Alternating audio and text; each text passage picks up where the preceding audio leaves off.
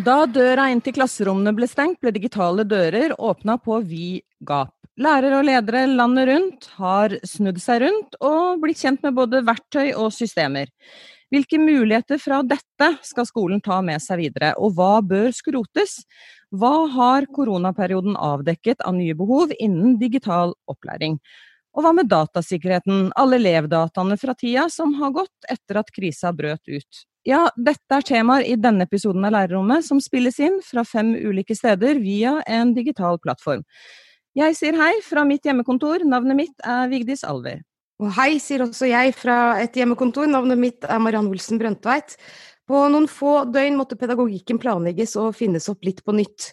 Eh, de siste åra har det vært satsa mye på digitalisering av den norske skolen, og så kom viruset som førte til endringer i rakettfart. Det digitale skippertaket er det ennå for tidlig å ane konsekvensene av, men historiene om oppfinnsomhet, løsninger og engasjement, ja, de er mange. Med oss i denne episoden har vi tre kompetente blikk på temaene vi skal snakke om. Vi sier velkommen til deg, Torgeir Waterhouse. Du er tidligere direktør i IKT Norge og nå partner i rådgivningsselskapet Otte. Hei. Og vi ønsker også velkommen til deg, direktør i Datatilsynet, Bjørn Erik Thon. Hei, god morgen. Og velkommen til deg, Tore Midland, avdelingsleder ved barnetrinnet på Toredal skole i Kristiansand kommune. Og Midland, da koronakrisa kom, så ble fysiske elementer vi er vant med fra skolen, i stor grad erstattet av skjermer og digitale plattformer. Hva er det dere har lært mest av? Ja, jeg tror eh, dette kom brått for mange skoler, og så var det noen som var godt forberedt. Og jeg tilhører jo en skole der vi faktisk var forberedt og hadde en viss basis. Eh, sånn at vi, eh, når da skolen ble stengt, så hadde vi de verktøyene vi trengte. Og hadde lagt en sånn noenlunde plan og kunne ta det litt derfra. Og så har vi på en måte hatt veldig fokus på å utvikle det pedagogiske videre. Jeg tror noen skoler ble kasta ut på dypt vann og strevde den første tida rett og slett med å holde seg flytende.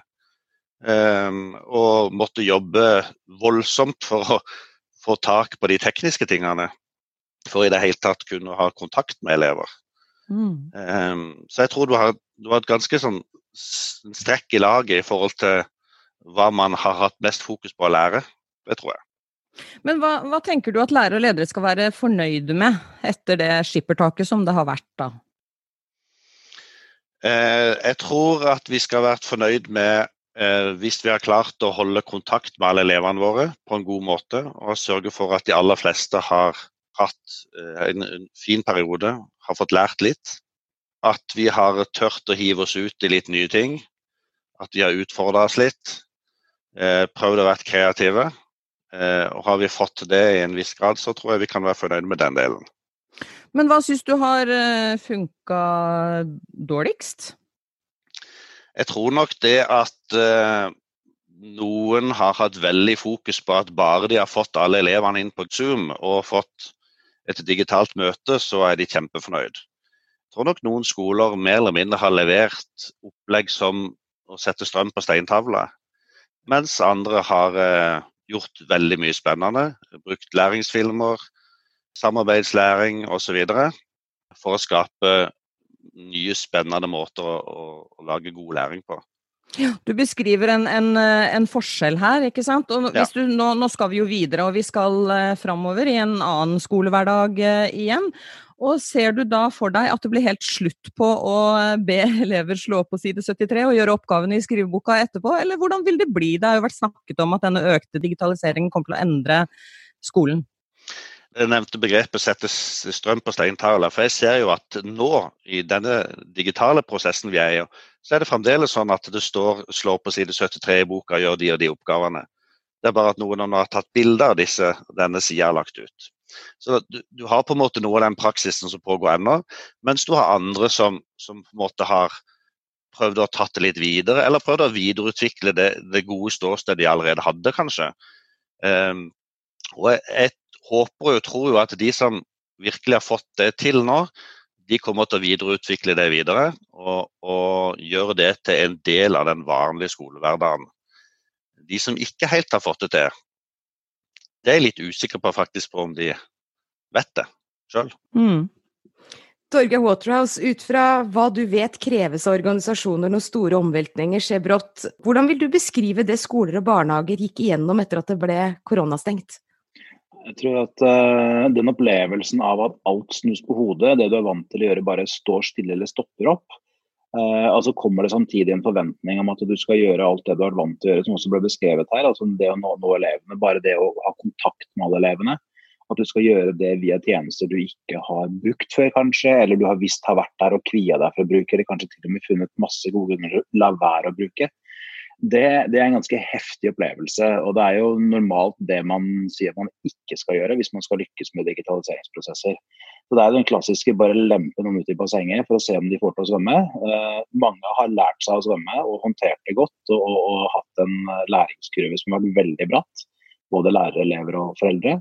Sikkert skoleledere også. Eh, mens eh, vi nok ser mange andre som i, i det stille har, har stått, stått stille. Men, men, jeg har i flere sammenhenger snakket om at uh, hvis du ser på hvor vi var for si, to måneder siden, og ser på hvor mange er i dag, så er det en utvikling uh, både når det gjelder erfaring og vilje til å prøve ut osv. Som, som kanskje kunne tatt type ti år eller mer før man hadde fått til i en normalsituasjon. Så En av de store utfordringene for skolen nå blir jo hvordan tar man vare på den gode læringen. Hvordan uh, får man videreført uh, og delt kunnskap om det som ikke gikk bra og som man ikke skal drive med videre. Og, og Samtidig som man har fokus på å drive skole. For her er det masse utviklingsarbeid som er gjort, masse erfaringer som er gjort. Og dette må man klare å ta vare på helt uavhengig om man er happy eller ikke happy med digitale løsninger. Ja, hvilke råd har du da til å ta vare på, som du beskriver det som? Altså, hva bør en leder gjøre for å få overblikk, og hvilke grep bør tas nå når de høyeste bølgene har lagt seg?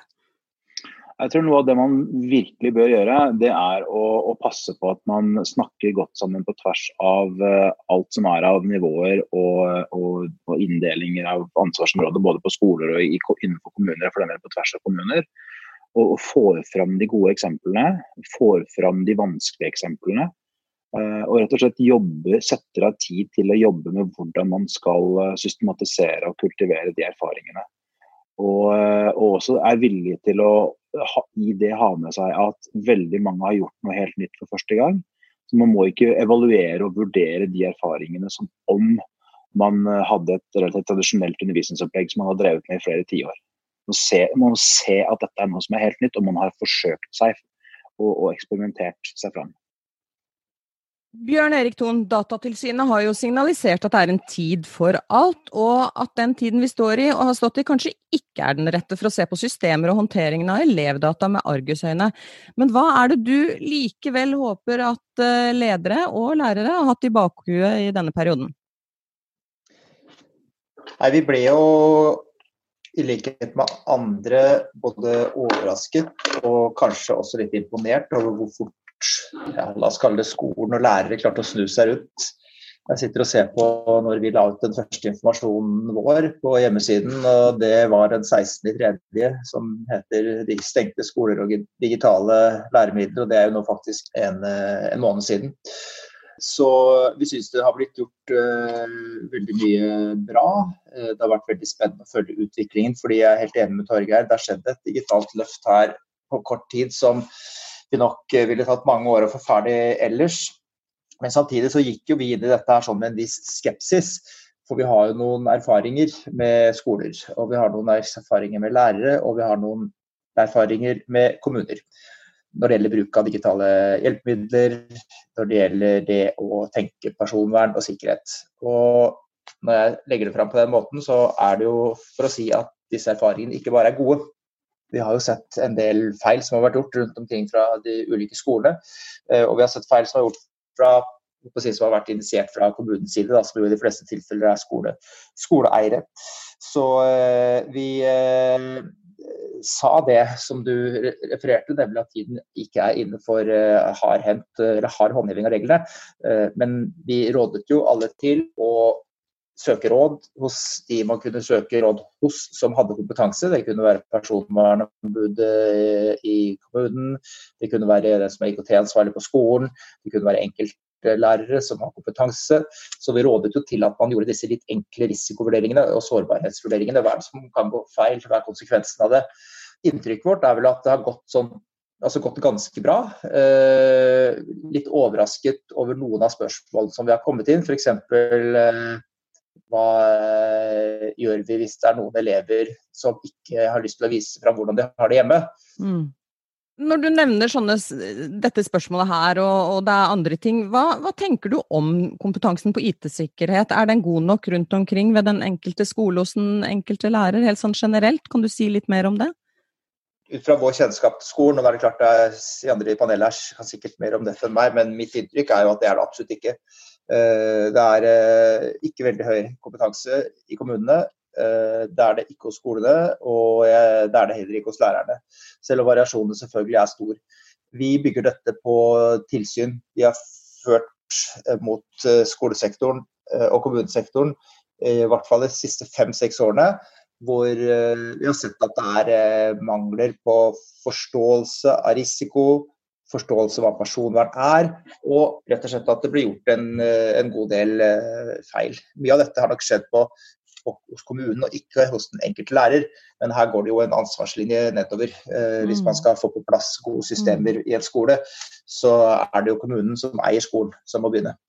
Og så er det jo vært uh, brukt ulike digitale plattformer. Teams og It's Learning og Zoom er jo bare uh, noen av de for å gjennomføre undervisning. Men det har også vært en økt bruk av sosiale medier i kontakten med både barn og elever og foreldre. Og hva er dine tanker om det? Uh, ja, vi har vært forsiktige med å gå ut og gi råd eller advare mot å bruke enkelte uh, tjenester, f.eks. Zoom, som vi sitter og bruker nå. Selv om vi har sett at det har vært en del kritikk mot sikkerhet bl.a. til den tjenesten her. Uh, men vi har ikke villet gjøre det, fordi vi, vi, kjenner jo disse tjenestene, men vi har jo ikke gått inn og vurdert det. ikke sant? Og Vi er jo et tilsynsorgan, og vi kan ikke gå ut og mene altfor mye om enkelttjenester uten at vi har satt oss grundig inn i det. Sosiale medier kan være viktig og greit å bruke. Men vi har også hørt om uh, lærere som har lagt til alle elevene sine på Facebook uh, og brukt det som en plattform for å undervise, uh, som jeg tror ikke er noe spesielt smart. For det kan vanne ut roller. Jeg har jo sagt mange ganger tidligere, så har jeg unnskyldt hvis noen har hørt det før, men at alle lærere bør teste ut. også Facebook bruker man ofte som eksempel. Jeg vet jo at det ikke er så mange barn som er på Facebook lenger, da. eller som bruker det aktivt i hvert fall. Men alle lærere bør teste ut sosiale plattformer som ungene bruker. Men det bør ikke være venner med elevene sine, uansett hva det måtte være. Mm. Midland, du har også bakgrunn som IT-ansvarlig eh, ved din skole, og du har for så vidt også da et blikk fra begge sider i organiseringen rundt elever og barn og deres digitale hverdag. Men hvor mener du at man bør begynne når man skal evaluere grepene som er gjort, og hva skal man da se etter, syns du?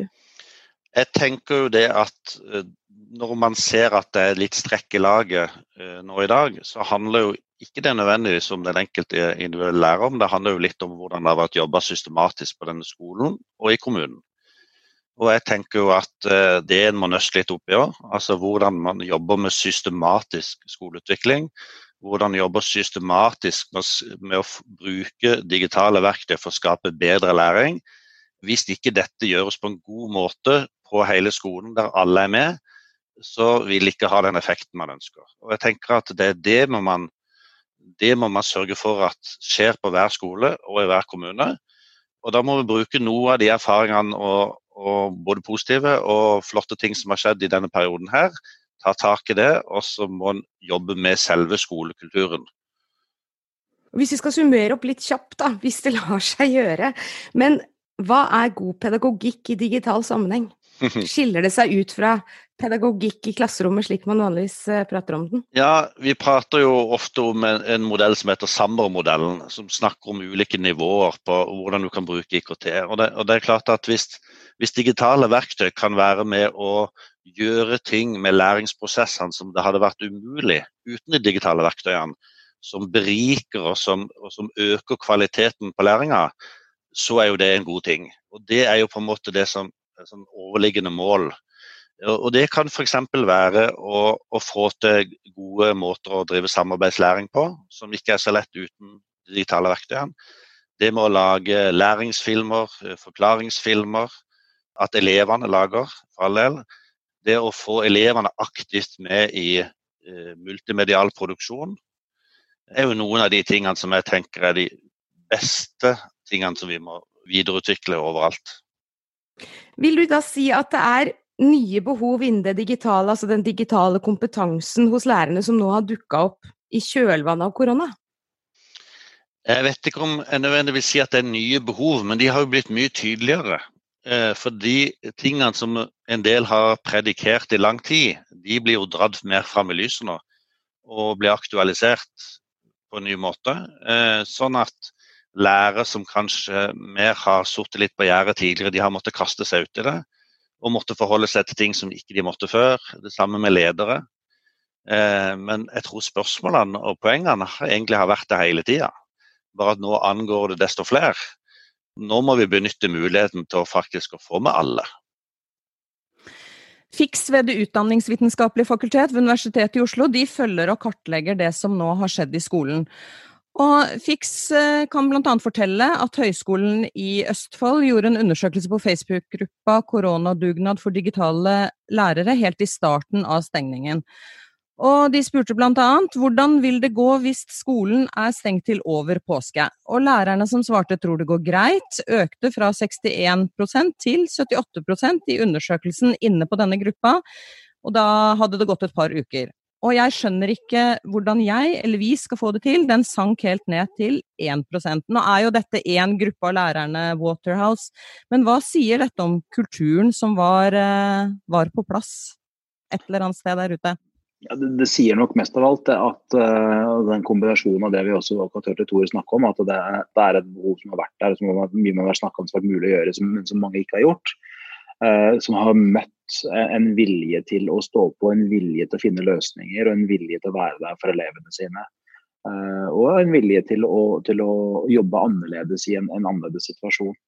Og I den gruppen som undersøkelsen har gjort, så har jeg vært med der og fulgt diskusjonene også. Og, det, og har jo sett nettopp det at det har vært en, en søken etter hvordan gjør vi dette? Hvordan kommer vi oss videre? Og jeg tror nok For mange så har det handla om uh, mer finne måter å gjøre noe på enn den, den optimale.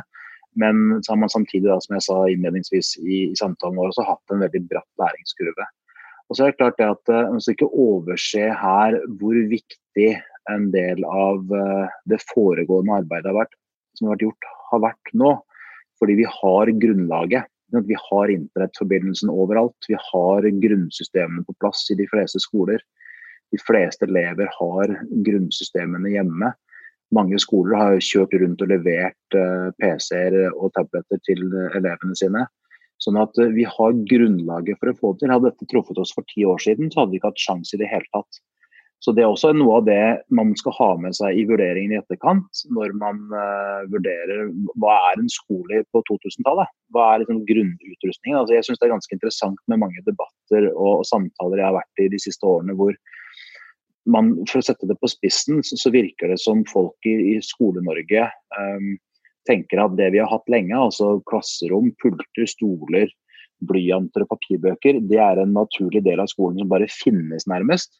Mens alt det digitale det er noe kommersielt som noen skal prøve å dytte inn i skolen for å tjene penger på. Og, og, det vi ser nå, er jo nettopp det motsatte. Altså, det er ikke noe, sånn, det er ikke noe, sånn, noe som bare er der. Er, alt man har i skolen er bevisste valg man har utvikla over lang tid. Uh, og i vår tid, med, med vår, vårt samfunn og våre ressurser og den teknologien vi har rundt oss hele tiden, så er nettopp internettforbindelse og grunnleggende systemer som det vi bruker bl.a. i den samtalen her, det er en del av det som bare skal være der, og som lærerne skal kunne benytte i kommunikasjonen sin og mye arbeidet sitt med elevene. Ja, Tore Midland, du ville kommentere noe? Ja, altså for, for, en tid tilbake når vi i Kristiansand kommune innførte det at hver elev skulle få sin dings, altså enten en iPad eller Chromebook eller PC, så, så gikk jo diskusjonen hvorvidt disse elevene skulle få lov til å ha denne med hjem.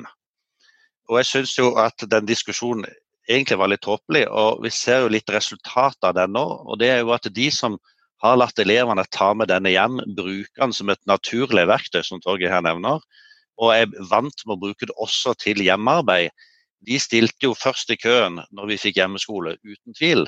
Mens de skolene som da har valgt å, tviholde på disse og la disse ligge på skolen, de hadde en utfordring når hjemmeskolen trådte inn. Ton, hvis vi går videre da med dette med personvern og sikkerhet, hvordan skal dere nå jobbe med tanke på utdanningssektoren? Har du noen bilder på opprydninga som vi trengs etter denne perioden? Når det gjelder informasjonssikkerhet og personvern i skolen, så syns jeg vi har hatt et gjennombrudd det siste halvåret. Eh, fordi det har blitt en helt, helt annen oppmerksomhet om dette spørsmålet, eller disse spørsmålene, og det startet før koronakrisen kom. Eh, det startet eh, allerede i ja, la oss si for kanskje et år siden omtrent, når vi begynte å utstede større gebyrer til kommunen, Bergen kommune, Oslo kommune, som ikke gjaldt digital undervisning, men som gjaldt digitale kommunikasjonsløsninger mellom hjem og skole f.eks. Og det tror jeg har vekka veldig mange. Vi ser enkelte kommuner, f.eks. Bergen kommune, har vært forbilledlig åpne på hva de har gjort feil, og hva de kan lære, og hva andre kan lære av dem. Vi har sett at eh, KS virkelig har tatt tak i disse tingene. Vi har hatt uh, kjempegod dialog uh, med KS, med Bergen, med ja, til en viss grad også Oslo. Så det har skjedd veldig mye positivt og nå tenker jeg ikke på den enkelte skole, men jeg tenker på systemnivå. Og sånn som vi jobber, så må vi jobbe litt på systemnivå. fordi et tilsyn med 60 mennesker har ikke mulighet for å følge den enkelte skole så veldig tett. Så vi må jobbe med KS, vi må jobbe med Utdanningsforbundet, vi må jobbe med de store kommunene. Og så må vi selvfølgelig også føre tilsyn hos kommuner for å se hvordan ting blir gjort. Vi har nå begynt å kartlegge eh, hvilke prosesser vi må følge opp videre. For eh, vi ser jo at Eh, det har skjedd en god del i mange sektorer, ikke bare skolesektoren og undervisningssektoren, men i mange sektorer så har det skjedd en del rare ting nå. Som, og antageligvis også ulovligheter som vi ikke har slått ned på, nettopp fordi at situasjonen har vært sånn som det har vært. Men så er det jo en fase for å rydde opp. Så vi har som sagt begynt å kartlegge prosesser som vi må følge opp videre. Noen av de kommer vi bare til å, å si, gi tips om at kanskje skal se på den løsningen dere brukte der og slette noen data. Andre kommer vi til å begynne formelle saksbehandlingsprosesser på når dette nå begynner å åpne seg opp igjen, forhåpentligvis. Da. Eh, så eh, er jo vår oppfordring også, Torgeir sa det jo i stad, man må evaluere bruken. og Man må gå gjennom de systemene man har brukt, enten om det er Zoom eller hva man måtte, gjøre. Jeg har også fulgt med på denne koronadugnaden for digital undervisning, og også vært med på møter der. Eh, fantastisk eh, spennende. Eh, på starten i hvert fall, jeg har ikke fulgt med så mye nå i de siste ukene, men der har vi jo sett at det har vært anbefalt en del løsninger som kanskje ikke man bør satse på sånn i det lange løp. Så det å gå inn og evaluere, det å slette informasjon som burde vært eh, kanskje sletta allerede, men som bør slettes nå. Så det å gjøre en evaluering også av de, de, de tingene man har gjort som man kanskje ikke burde gjøre, da, det er lurt å gjøre. Tore Mydland, hva, nå hører du Datatilsynets eh, ton her. Hva tenker du som skolemann inn, i, inn på din skole er de største utfordringene og risikoene nå framover? Og hvordan tenker du, hva, hva, er det dere skal ta tak i nå, først og fremst? Nei, eh, tenkte du i forhold til det pedagogiske primært? Nei, jeg tenkte i forhold til evalueringen av, av den perioden uh, vi har Nei, hatt. Eh, jeg ser jo at for det første så er jo Vi har jo landa på det at tida nå midt under prosessen er jo ikke tida for å evaluere. Det må vi ta til slutt. Og så må vi bare støtte alt det vi kan nå. Og Så får vi etterkant se om det var nok eh, fra ledernivå. Og Når det gjelder på en måte prosessen videre etterpå at vi er kommet i gang i vanlig gjenge, så tenker jeg at vi må virkelig sette av tid, eh, som vi egentlig nå hadde tenkt å kanskje bruke til helt andre ting, eh, til å, til å oppsummere, systematisere og se hvilke av disse tingene her er det vi skal ta med oss videre, og hvordan skal dette endre måten vi jobber, på, jobber med læring på videre i skolen. For det bør det absolutt.